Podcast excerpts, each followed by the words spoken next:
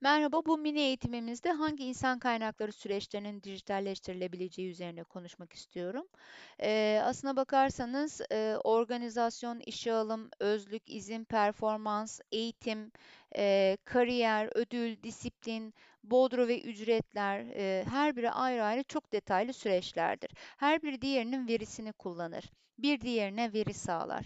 Tüm bunların üstünde ise hepsinden veri alan insan kaynakları analitiği vardır. İsterseniz şöylece kısaca tüm bu modüller nasıl dijitalleştiriliyor bir bakalım.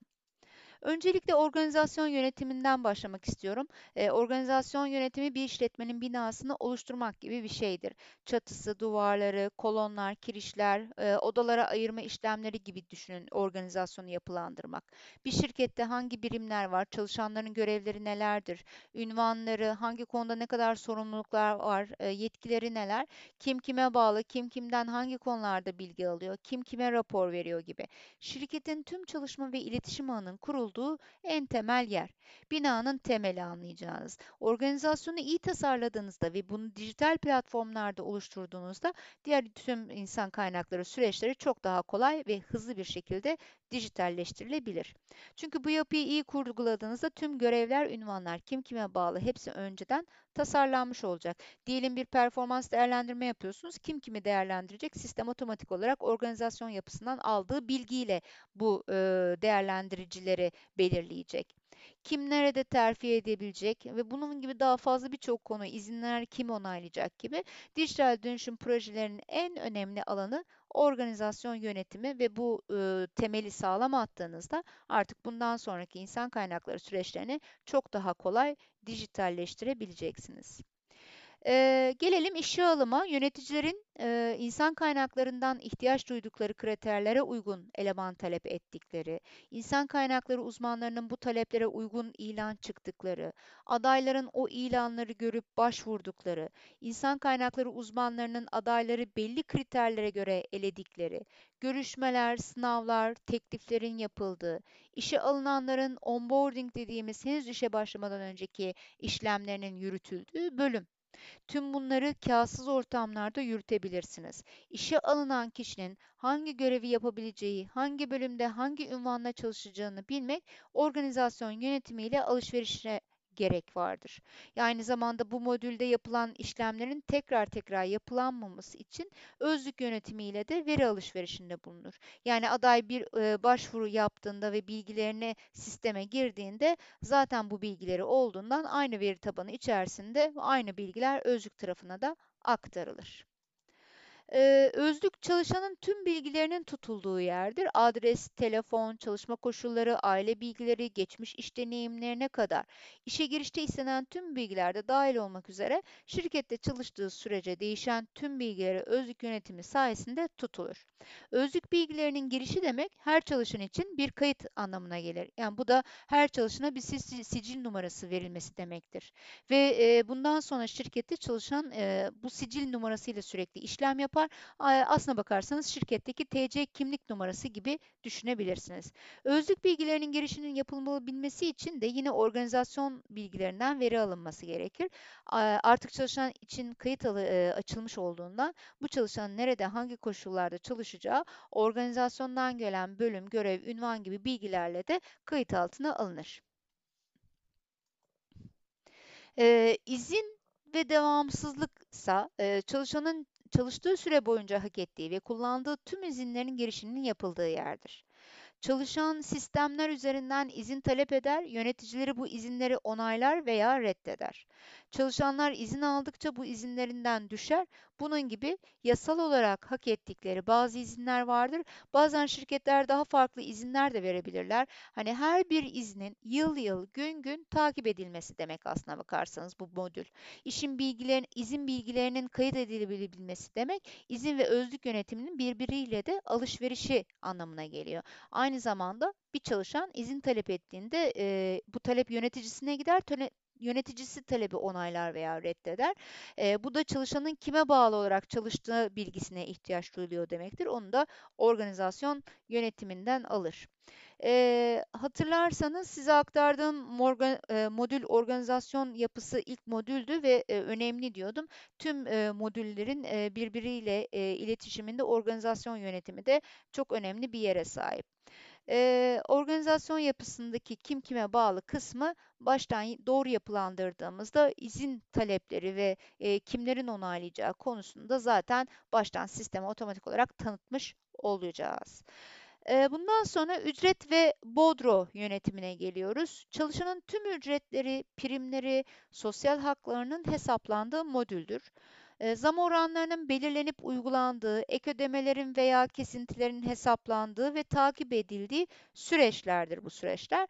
Burada çalışan fazla mesai yapması, avans istemesi, yöneticisinin zam yapması ve tüm bunların sonucunda çalışanın bodro hesaplarının yapılarak ay sonunda bankaya ücretinin yatırılması işlemlerini detaylandırıyoruz.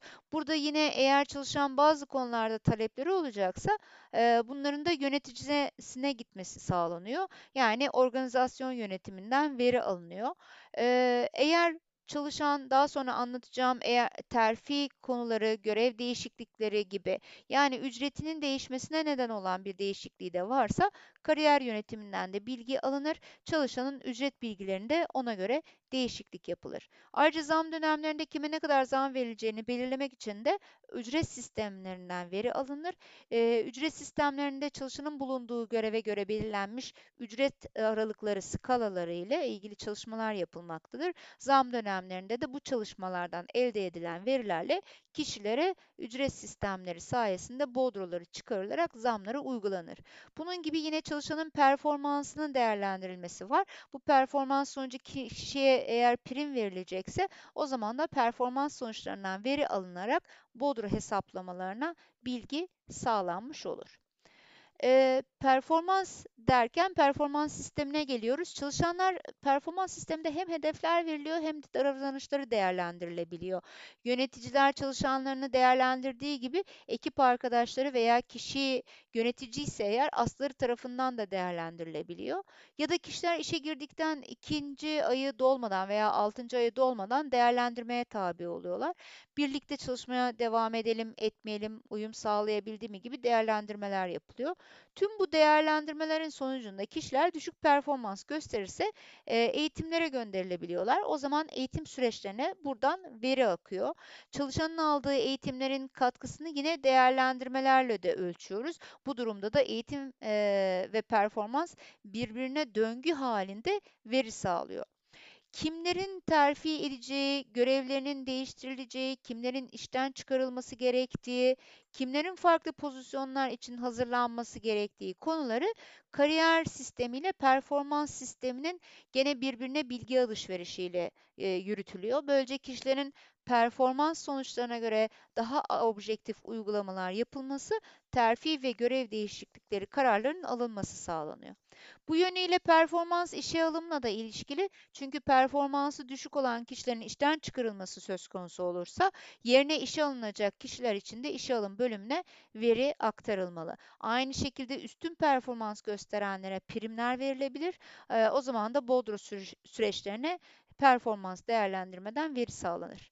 Ödüller de verilebiliyor. Bu durumda da ödül sistemlerine gene tabii ki performans değerlendirmeden veri akıyor. Değerlendirme sistemlerinde yöneticiler çalışanlarını değerlendiriyor.